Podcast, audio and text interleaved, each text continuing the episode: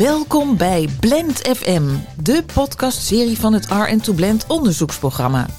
In deze derde reeks, de verpleegkundige als directeur over verlangen, veranderen en vergezichten, zijn we in het Radboud UMC in Nijmegen. Het ziekenhuis maakt zich klaar voor een grote transitie.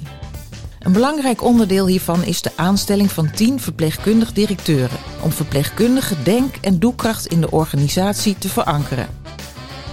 Afgelopen maanden volgden we hen in hun dagelijks werk. Hoe willen zij invulling geven aan het verpleegkundig perspectief? In deze vijfdelige podcastserie staan we hier uitgebreid bij stil. Welkom bij aflevering 2 van de verpleegkundige als directeur over verlangen, veranderen en vergezichten. Ik ben Dieke Martini, verpleegkundige en onderzoeker binnen het R to Blend onderzoeksprogramma. Het Radboud UMC wil voorop lopen in persoonsgerichtheid. Een belangrijk onderdeel hiervan is het samenbrengen van verschillende perspectieven op goede zorg, op onderwijs en op onderzoek. Het ziekenhuis maakt zich op voor een enorme transitie waarin onder andere het medisch en verpleegkundig perspectief verankerd zullen worden in de structuur. Hoe ziet dit eruit in de praktijk? In deze aflevering ga ik hierover in gesprek met kwartiermaker verpleegkundig directeur Jolanda Tersluizen. Ik ben uh, Jolanda Tersluizen, verpleegkundige. Uh, ik heb meerdere functies, maar op het moment ligt mijn focus vooral op kwartiermaker verpleegkundige zaken van het Patiëntenzorginstituut in het Radboud. Ik ben een leider uh, in basis, maar ik kan ook volgen als, het, als, als de leider niet gevraagd wordt op dat moment. Maar als ik denk, nou hier kunnen we zaken verbeteren, dan, dan sta ik op, steek ik mijn kop boven het maaiveld uit en dan ga ik daarmee aan de slag. Ik kan me druk maken. Mijn vader is opgenomen en ik heb me heel erg druk gemaakt over het feit wat daar allemaal gebeurt. Voor mijn ouders, tussen mijn ouders, daar ben ik echt heel erg in. Dan, dan, komt, uh, dan wil ik dat heel graag uh, dat het goed geregeld is. Ik wil heel graag dat mijn ouders uh, ja, het, het, goed hebben. Dus dat, de, nou, en als dat niet gebeurt, dan kom ik daar, sta ik op. Ja. mijn lievelingssnackje tijdens het werk is uh, magere kwark met krusli. En het liefst wat vruchtjes. met kwartiermaker medisch directeur Philip de Reuver Ik ben Philip Dreuver, ik ben chirurg. Ik ben opgeleid in Amsterdam en ben naar Australië hier in het Radboud komen werken. En um, heb een uh, onderzoeksinteresse in doelmatige zorg. En mag sinds vorig jaar uh, leiding gaan geven als kwartiermaker. en daarna medisch directeur voor het Centrum voor Buik en Bekken. Ik ren het liefst hard, want dat is makkelijk. Dan ben je, um, kom je schoenen aan te trekken en dan ben je weg. Uh, maar nu in deze uh, wat drukkere tijd kom ik daar steeds minder aan toe. Ja. Maar mijn werk kan ook soms heel ontspannend zijn en leuk. Ja. Opereren is uh, eigenlijk heel ontspannend, want dat, daar gaat de telefoon niet af. je bent met één ding bezig, heel erg gefocust. Dus opereren is eigenlijk nog wel iets wat, wat rust geeft. Ja. Ja, ik draai uh, muziek, vaak aan het begin van een operatie uh, en aan het eind. En begin, tussendoor, als het even lastig is, dan gaat de muziek soms wel eens uit of zacht. maar ja, dat draagt wel bij ook aan een sfeer op een operatiekamer. En Pieter Bas Lalleman, die naast hoofdonderzoeker binnen het R2 Blend onderzoeksprogramma ook lector is van het lectoraat Persoonsgerichtheid in een ouder wordende samenleving. Jolanda, Filip, Pieter Bas, van harte welkom bij deze tweede aflevering persoonsgerichtheid vanuit verschillende perspectieven. Jolanda, jij bent kwartiermaker verpleegkundig directeur van het Patiëntenzorginstituut. Kun jij uh, de transitie waar het Radboud UMC voor staat, Fit for the Future, in, uh, in het kort aan ons uitleggen? Nou, in het kort. Uh, Doe je best. In een grote reorganisatie, of na reorganisatieveranderingen in ieder geval, uh, die, ja. uh, die plaatsvindt. Maar heel in het kort, we waren heel erg versnipperd het Radboud UMC in bijna 52 kleine organisaties in specialisme. We worden centra. Hè. Er komen 11 centra, drie instituten. Um, daar komen naast medical departments, waar de dokters uh, uh, onder verblijven. Um, en daar boven de centra zit een uh, collegiaal bestuur voor, van uh, verpleegkundig directeuren, medisch directeuren en bedrijfskundig directeuren. Um, en in de instituten, um, dat is onderzoek, onderwijs en patiëntenzorg, mm -hmm. waarvan ik zit in het patiëntenzorginstituut, waar ook een medisch directeur, een bedrijfskundig directeur en een verpleegkundig directeur zit.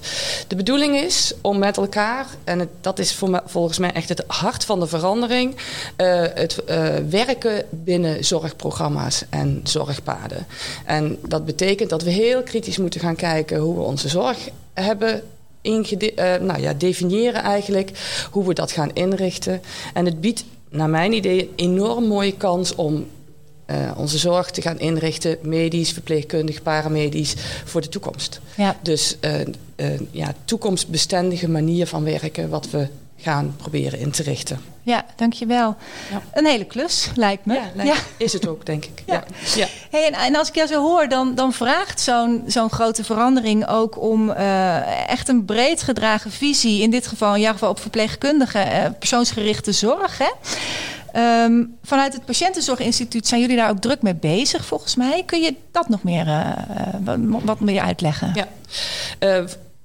Vanuit het Patiëntenzorginstituut zijn we bezig om echt een um, professionele verpleegkundige organisatie in kaart te brengen. Van waar hebben we het nou over als we het hebben over het vak verpleegkunde? Uh, daarvoor hebben we een programma gedraaid, dat draaien we nog, toekomstbestendig verplegen. En daar is de basis onze verpleegkundige visie. Uh, op. Die hebben we met een grote groep professionals uh, ingericht, uh, opgesteld. En dat is de basis van die verandering om nou, stappen te maken in professionalisering van het verpleegkundig beroep. gaan we over naar de nieuwe organisatie, komt toekomstbestendig verplegen binnen het Patiëntenzorginstituut en gaan we dat veel meer integreren met alle andere zaken. maar die visie op verpleegkundige zorg, dat zit echt heel duidelijk op die professionele identiteit van de verpleegkundige. Mm -hmm. uh, dat eigenaarschap van die verpleegkundige over dat vak weer. Als je nu terugkijkt, zie je wel. Nou, en dat is bij COVID ook nog wel best wel naar voren gekomen. Dat verpleegkundigen vaak taakgericht of ordergestuurd werken. En uh, dat eigenaarschap over het zorgaspect, care-aspect, uh, dat staat daar heel duidelijk in benoemd. Uh, welke rol zij daarin hebben, welke ambities we daarin hebben. Um, maar dat vraagt een professionele identiteit. Ja. En uh, wij, we praten heel veel over zeggenschap, maar dat is op zich in basis best wel een groot begrip. Uh, wat je wilt is dat, dat ja, die eigenheid, die professionaliteit van die verpleegkundigen, uh, dat, dat vraagt verantwoordelijkheid, leiderschap. Nou, er zitten heel veel aspecten aan voordat je daar komt. En daar zijn we binnen het Radboud UMC uh, nou, aan het werk. Ligt een grote opdracht, vind ik. Mm -hmm. uh, omdat er in de geschiedenis weinig aandacht voor is geweest. We hebben veel te doen. Maar wel, als je het hier met verpleegkundigen over hebt, dan start de energie. Want dan heb je het over het vak. En dan, ga je, uh, ja, dan gaat het groeien en bloeien. Ja. Wat zit er dan precies in die uh, professionele identiteit? Ja, dat, dat is die eigenheid van die verpleegkundige. Waar onderscheid je je nou als verpleegkundige in uh, binnen je vak? Je hebt ook ja. een persoonlijke identiteit. Hè, en dit is echt gekoppeld aan je beroep. Hè, en hoe. Uh, ja, wat, waar sta je dan voor als verpleegkundige? Waar ben je verantwoordelijk voor? Waar toon je leiderschap in? Durf je je kop boven het maaiveld uit te steken? Is een hele, het is vaak een hele spannende. Um, maar ook, uh, uh, ja, waar. Uh, waar stap je naar voren? Hè? Waar neem je leiderschap? Dat, is wel een, uh, dat kan op inhoud zijn, heel dicht bij patiënten. Uh, waar je uh, goed wilt zorgen dat die patiënt die zorg krijgt die op dat moment nodig is.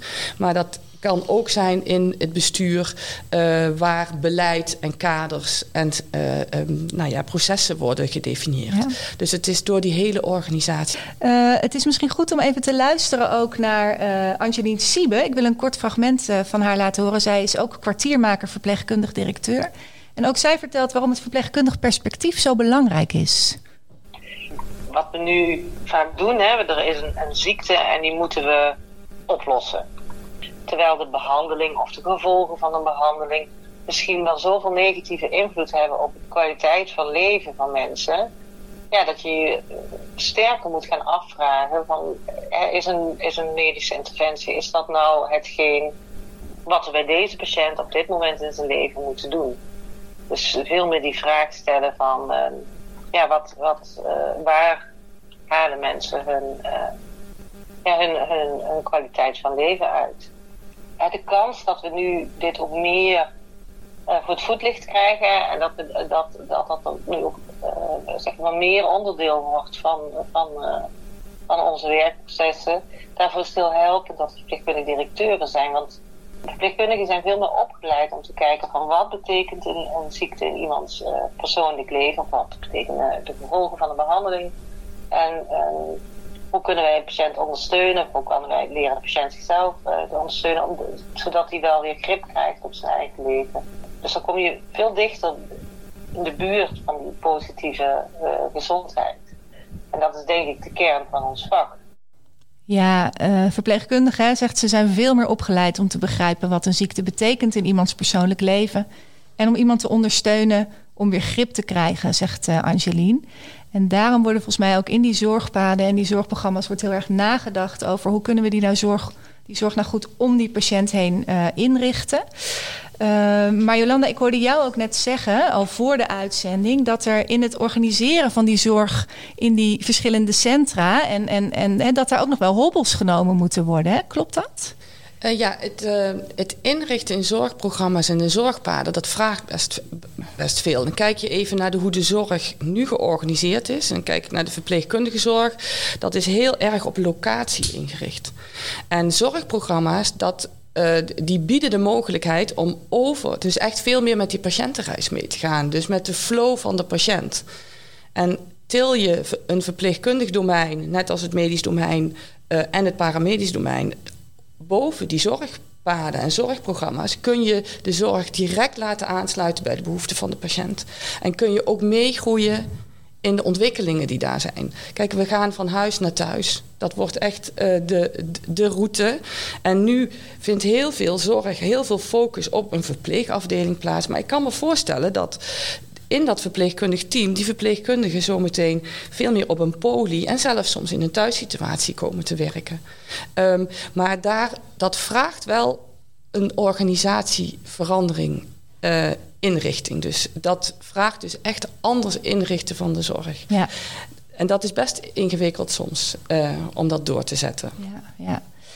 Ik, ik, kan ik me voorstellen. En um, uh, Pieter Bas, als uh, lector van het lectoraat persoonsgerichtheid in een ouder wordende samenleving, hoe luister jij naar zo'n transitie? Ja, ik, ik, ik, ik kan helemaal volgen wat jij uh, zegt. Ik zit ook een beetje naar de overkant van de tafel te kijken. Want uh, toekomstgericht verplegen is een, is een belangrijke beweging. Maar voor mij is er geen programma toekomstgericht dokteren. Um, en um, uh, ik denk dat dit een enorm samenspel gaat worden. Zowel op de paden, waar je natuurlijk dokters en verpleegkundigen hebt, en de programma's. En nu met, uh, met, met de trojka, het intercollegiaal bestuur, een enorm samenspel tussen die dokter en die verpleegkundigen. Dus om die persoonsgerichtheid complementair aan, aan dat, dat cruciale deel wat de dokters hier doet, diagnosticeren en behandelen, om dat goed voor elkaar te krijgen, relationeel, ben ik ook wel benieuwd hoe, hoe, hoe jij uh, hiernaar, hiernaar kijkt, Filip. Ja, ik denk dat het essentieel is om uh, een programma toekomstgericht dokteren eh, te gaan oprichten. Want we uh, staan natuurlijk voor niet alleen in dit huis voor een hele belangrijke transitie, maar eigenlijk ook als maatschappij voor een hele belangrijke transitie, hoe we die zorg gaan vormgeven. En ik denk dat wat we hier nu doen in um, het Radboud UMC echt een voorbode kan zijn in wat we als maatschappij, of in, laten we in Nederland, zouden kunnen verbeteren. En dat is toch inderdaad ons richten op gezondheid niet meer op gezondheidszorg. Uh, onze zorgconsumptie is zo hoog momenteel. Dat is helemaal geen duurzaam uh, systeem. Dat klapt uit elkaar. En uh, wat we hier gaan doen in het Radboud UMC is inderdaad die zorg terugbrengen rondom die patiënt. Dat is multidisciplinair werken. Maar eigenlijk wat Jolanda heel mooi vertelt, vooral interdisciplinair werken. Waarbij we, denk ik, dus inderdaad die toekomstige dokter ook moeten opleiden. Dat hij niet alleen maar als techneut of als medicus zijn interventie doet of ze medicamenten voorschrijft, maar eigenlijk in een interprofessioneel team samenwerkt om ook preventieve maatregelen toe te gaan passen. En meer te kijken naar het hele domein. Ook naar een thuissituatie, ook naar een gezinssituatie, naar sociale aspecten. en dat mee te nemen in een, in een behandeling. Uh, en gestaag zie je in een medisch curriculum dat daar meer aandacht voor is. Maar ik denk dat de dokter van de toekomst uh, hier nog wel echt veel te leren heeft en veel te verbeteren heeft. Ja. Ja, ja, en fijn dat het in het curriculum zit. Ik heb het idee dat het verborgen curriculum uh, bij de, in de geneeskunde ook nog wel een, uh, sterk, uh, sterk is met alle kooschappen en de specialisaties. En, um, en heb je het idee dat daar ook al wat in verandert? Zie je het om, om je heen ook al, al veranderen, het denken binnen, binnen, de, de binnen de, de afdelingen en, en, en de groepen? Nou, we zijn het nu hier in, in het Radboud wel een beetje aan het forceren natuurlijk. Dus door inderdaad die, uh, die zorgpaden in te gaan richten... verwachten we eigenlijk van, van medisch specialisten enerzijds... maar ook van verpleegkundigen anderzijds... om veel meer samen te gaan werken. En ze hebben echt wel een andere achtergrond en een andere opleiding... maar we moeten het wel met elkaar gaan doen. En ik kan me ook wel voorstellen dat, je, dat die medisch specialisten... soms iets meer naar achter treden in bepaalde zorgpaden... en die verpleegkundigen naar voren. En daar leiderschap tonen op bepaalde domeinen in dat zorgpad. Uh, en dat aangrijpen om die zorg echt te verbeteren, uh, te verduurzamen. En, en soms ook um, met minder interventies en misschien ook wel met wat minder kosten, maar wel met oog voor die patiënt. ja, echt nou ja, de kwaliteit van leven te verbeteren. En niet altijd de duur van het leven bijvoorbeeld. Overigens zit het volgens mij in jullie uh, opleiding, in de kooschappen binnen het Radboud, begreep ik van de patiëntenadviesraad, uh, lopen um, studenten geneeskunde ook echt een periode mee met een patiënt om dat patiëntentraject te volgen. Dus zij zegt, op zich in die basisopleiding zit het heel goed. En waar zij nog een hiaat zag, is zij, ze worden er later niet op beoordeeld. Dus het is iets wat ze in het begin wel doen in die opleiding, maar als ze eenmaal aan het werk zijn later, dan verliezen ze het weer een beetje. Maar ik hoor wel, als ik zo naar jou luister, dat de kans door die nieuwe reorganisatie, hè, of door de, de nieuwe manier van werken straks, dat dat wel geborgd gaat worden. Ja, dat, dat, hoop ik heel erg. Maar dat is natuurlijk toch. Uh, daarna gaat die jonge dokter in opleiding en wordt hij uh, maag-darm-leverarts of hij wordt chirurg. Hij leert een bepaalde vaardigheid. Hij uh, of zij denkt in, in wat hij op een gegeven moment kan.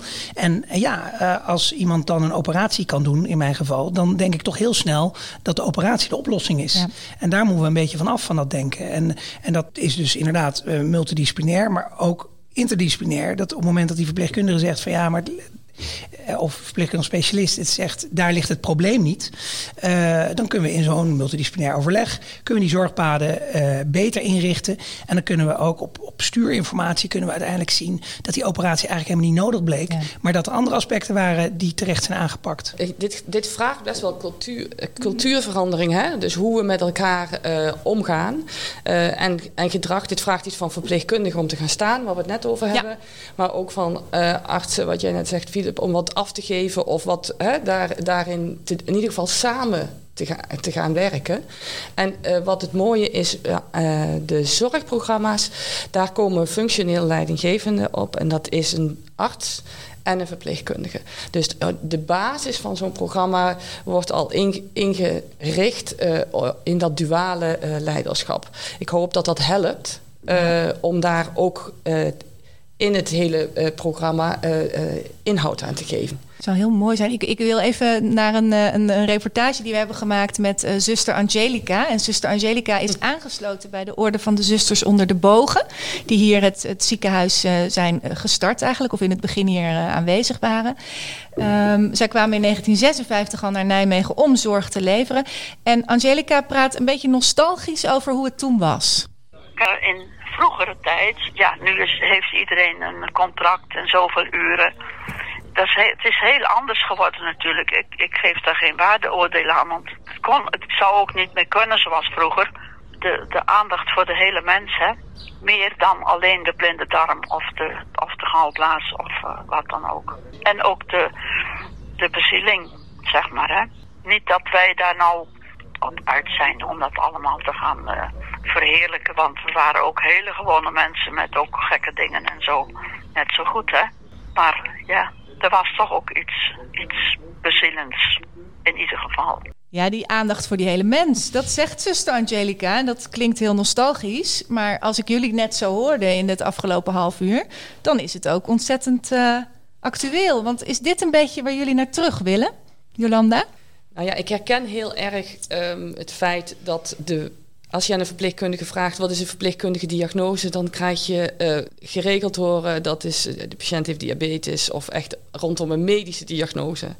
En ik denk dat het heel sterk gaat worden dat we veel meer, uh, dat ook verpleegkundige diagnoses weer aan de orde komen die de holistische mens meeneemt en uitgaat van die behoeften van die mens. Dus uh, ja, ik word warm van dit. En uh, dit is eigenlijk ook gewoon de basis van onze zorg. Door versnippering en door um, nou ja, allerlei verschillende redenen zijn we dat wel een beetje kwijtgeraakt. Ja. Dat klopt. ja. ja.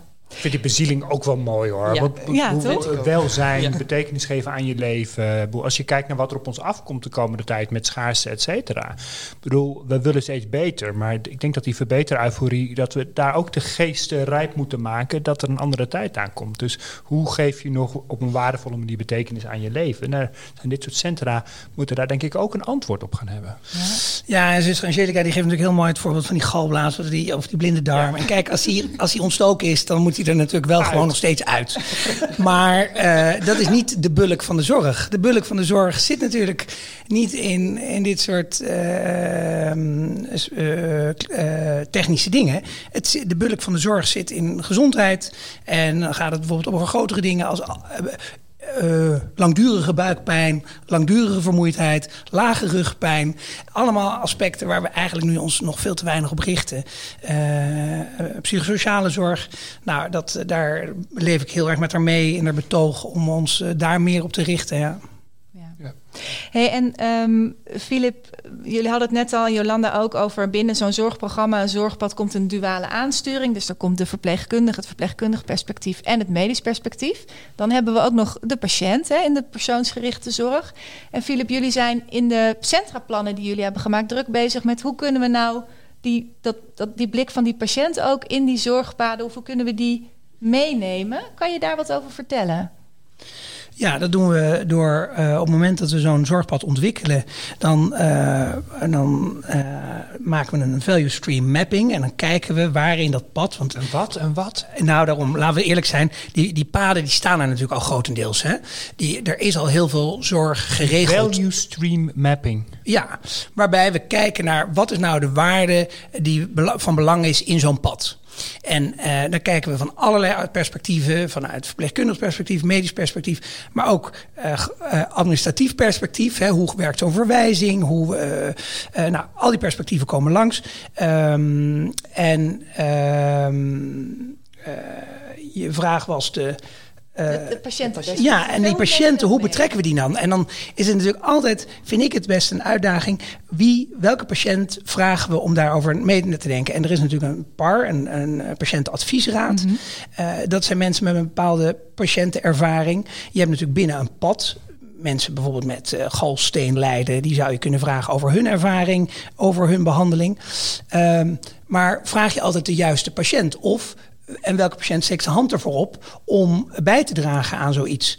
Uh, dus daar, dat is, vind ik wel een uitdaging om de juiste groep en ook de hele groep uh, te includeren om daar een mening op te vragen. Terwijl aan de andere kant zul je ook zien dat die mening van die patiënt over heel veel van die paden hetzelfde is. Uh, en dat het gaat om goede zorg, aandacht, heldere communicatie, uh, makkelijke toegankelijkheid. Dus we kunnen het heel erg toespitsen in ieder pad. Maar ik denk dat er ook heel veel patiëntenoordelen uh, ziekenhuisbreed of programmabreed uh, geïnventariseerd kunnen worden. Ja, ja duidelijk. Hoe uh, gaan jullie eruit daarmee om vanuit het Patiëntenzorginstituut? Is daar een rol in voor jullie? Ja, zeker. Ja. Daarom heten we Patiëntenzorginstituut. Ja, dat wou ik zeggen. ja. ja, nee, dat is wat, wat altijd wel opvalt, is dat eigenlijk moeten we dit aan de voorkant goed, goed regelen. Hè? Want heel vaak zeggen we, en, en de patiënt. Maar het is eigenlijk de basis is de patiënt en daaromheen de, de zorgprofessionals. Dus we, hebben, we zijn nu bezig dat Patiëntenzorginstituut goed in te richten. En daar wordt de patiënt echt maximale meegenomen om mee te denken in de structuur, hoe we dat gaan doen, maar ook op inhoud. Dus daar zijn we dus aan het, met die patiënt samen aan het bedenken op welke manier gaan we dat proces aan. Uh, en uh, er worden waardedialogen, uh, dan noem je het. Hè? Dus dan ga je met meerdere patiënten het gesprek aan wat, wat belangrijk is om een verandering aan te gaan. Um, en in die waardedialogen zitten patiënten, maar ook verschillende zorgverleners, toch? En verschillende, verschillende zorgprofessionals. Precies, dat is een heel palet wat samen koers bepaalt, ja. eigenlijk. Mag ik nog heel even, want uh, ik heb hier een tijdje ook uh, uh, wel rondgelopen. Toen was Kati Verbeek hier nog de Chief Medical Officer als verpleegkundige, overigens, wat ik altijd wel heel bijzonder vond. En, en toen was de slogan, dacht ik, de patiënt als partner. En eigenlijk, we zitten dus nog steeds wel op die patiënt. Hoe gaat deze verandering en het nou echt, echt daaraan bijdragen? Ik vind de patiënt als partner is bijna een soort motherhood statement. Daar kan je het niet mee oneens zijn natuurlijk. Hè? Vrede voor iedereen, de patiënt als partner. Maar, maar ik luister naar jullie en ik zie een, een, een, verandering in, in structuren. En ik zie, we hebben het over, over culturen. En, en, en, maar, maar wat gaat nou het verschil maken volgens jullie? Ik denk dat ze uh, veel vroeger in het proces en ook in het ontwikkelen van dat pad, want het pad is hartstikke dynamisch. Zo'n zorgpad dat kan, dat is niet in beton gegoten, dat gaan we uh, aanpassen weer. Maar ze heel vroeg in het proces mee te laten nemen en mee te laten denken in waar het verbeteren, je het kan verbeteren patiënt als partner, samen beslissen. Het zijn oh ja. allemaal ja. uh, aspecten die we natuurlijk, uh, waar iedereen over elkaar heen rolt om dat uh, te ontwikkelen. Terwijl het ook wel een beetje een open deur is dat je dat natuurlijk samen moet gaan doen. Um, maar ik denk dat de meerwaarde erin zit om ze zo vroeg in het ontwikkelen van het pad mee te nemen. En ze dus ook gelijk de vinger op de zere plek te laten liggen waar het waar het niet goed zat. En, en, en daar gaan we in deze transitie, met name met die zorgpadontwikkeling, gaan we echt winst boeken. Dank jullie wel. We zitten alweer bijna aan het einde van de aflevering, helaas. We willen ter afsluiting nog even luisteren naar Hester Vermeulen. Zij is hoogleraar verplegingswetenschap hier in het Radboud UNC en zij heeft mooie ambities voor verpleegkundig onderzoek. Als je meer gespecialiseerde leerstoelen hebt, die kunnen meer diepere kennis ontwikkelen op een bepaald onderwerp of op een bepaalde patiëntenpopulatie. En daarmee draag je bij aan de vakinhoudelijke ontwikkeling en daarmee aan de kwaliteit van zorg aan patiënten en cliënten, maar ook aan uh, de professionaliteit van verpleegkundigen. Voor, uh, voor het Radboud UMC, maar ik vind het heel Nederland dat je meer hoogleraren verplegingswetenschap hebt op specifieke onderwerpen en niet te breed. Want dan mis je de diepgang om echt tot die kwaliteitsverbeteringen en tot die vakontwikkeling te komen meer leerstoelen verplegingswetenschap om tot die diepere onderzoekslijnen te komen en een betere kwaliteit van zorg. Is denk ik een hele mooie ambitie en ik zou hier nog heel graag met jullie over doorpraten. Maar helaas, de tijd alweer bijna om. Ik heb nog wel tijd voor een paar laatste opmerkingen. Dus wie wil er nog iets delen? Nou, ik kan het betoog van Hester alleen maar beamen. Ik denk dat het wetenschappelijk verpleegkundig domein nog uh, te weinig structuur heeft. En dat je in deze transitie in het Radboud UMC, als we dat nou eens goed van de grond krijgen om die persoonlijke ontwikkeling van die verpleegkundige uh, individuele ontwikkeling en die wetenschappelijke ontwikkeling samen kunnen laten gaan. Ik denk dat we dan over drie jaar, als we hier weer eens misschien zitten, echt veel bereikt hebben. Zou mooi zijn. Laten we over drie jaar gewoon hier nog een keertje gaan zitten. Jolanda, wil jij nog uh, een laatste woord met ons delen? Nee, ja, het is, uh, wat je merkt is dat de aandacht hiervoor al heel veel beweging teweeg brengt. Hè? Dus door het gesprek te voeren uh, met artsen, met andere professionals in het land. Um, nou ja, de, er zijn heel veel uh, nou ja, mogelijkheden nu uh, om stappen te gaan maken. Wij krijgen de kans in het Radboud om dat nu te doen. Ja. En ik ja, omarm dat ook. En we, ik voel me ook wel verantwoordelijk om daar een stap in te zetten. Dus ik, ik kom graag over drie jaar terug. Dan doen we het samen, Philip. En dan gaan we kijken wat er dan uiteindelijk uh, uh, is nou, ontstaan. Het, het, het, mooie is ook, wij hebben hier nu uh, een paar maanden rondgelopen. Je voelt ook gewoon overal dat bruisen en dat graag willen en die ambitie. Dus het is gewoon super mooi om, uh, om mee te maken. Pieter Bas, nog een laatste woord voor jou? Nou, ik vind het echt mooi hè, wat, wat, wat Hester zegt en ook de, de reflectie van Philip erop. Kijk, we moeten ons realiseren, we hebben ongeveer 600 hoogleraren in de geneeskunde en we hebben er 13 in de verpleegkunde. Um, dus het is mooi als daar meer uh, hoogleraren in de verpleegkunde komen. Maar het gaat mij ook om wat zij gaan doen. En ik denk dat wat de dokters nodig hebben van ons is namelijk een hoogleraar complementair aan datgene wat zij doen. Dus we moeten geen doktertje gaan spelen. We moeten juist zorgen dat wij vanuit ons eigen vakgebied zorgen dat we het welzijn, de zorg, rondom uh, uh, datgene wat de patiënt meemaakt en dat ze, wat ze bij de dokters doen, dat we daar de aanvulling op hebben. Dus dat zou ik nog wel een mooi, een mooi vergezicht vinden. Ik wil jullie uh, heel hartelijk bedanken, Jolanda, Filip en Pieter Bas. Samen spraken wij over het belang van de integratie van het medisch, het verpleegkundig en het patiëntenperspectief in het Radboud UMC. En in de volgende aflevering spreken we over de kansen die deze transitie biedt voor verpleegkundigen.